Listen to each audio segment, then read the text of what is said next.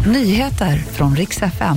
Sju personer döda i massskjutning i Hamburg och komikern som tröttnat på sina egna skämt. Nu lägger Marcus Berggren av med stand-up.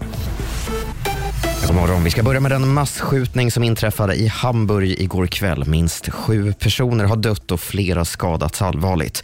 Skotten avlossades i en lokal som tillhör Jehovas vittnen och nu under morgonen skriver Hamburgpolisen att man misstänker en ensam gärningsman som själv också hittats död i lokalen. Motivet bakom dådet är ännu oklart. I Kina har president Xi Jinping blivit omvald för en tredje mandatperiod och kommer alltså sitta kvar vid makten åtminstone fem år till. Traditionen har varit att kinesiska ledare lämnar över makten efter tio år.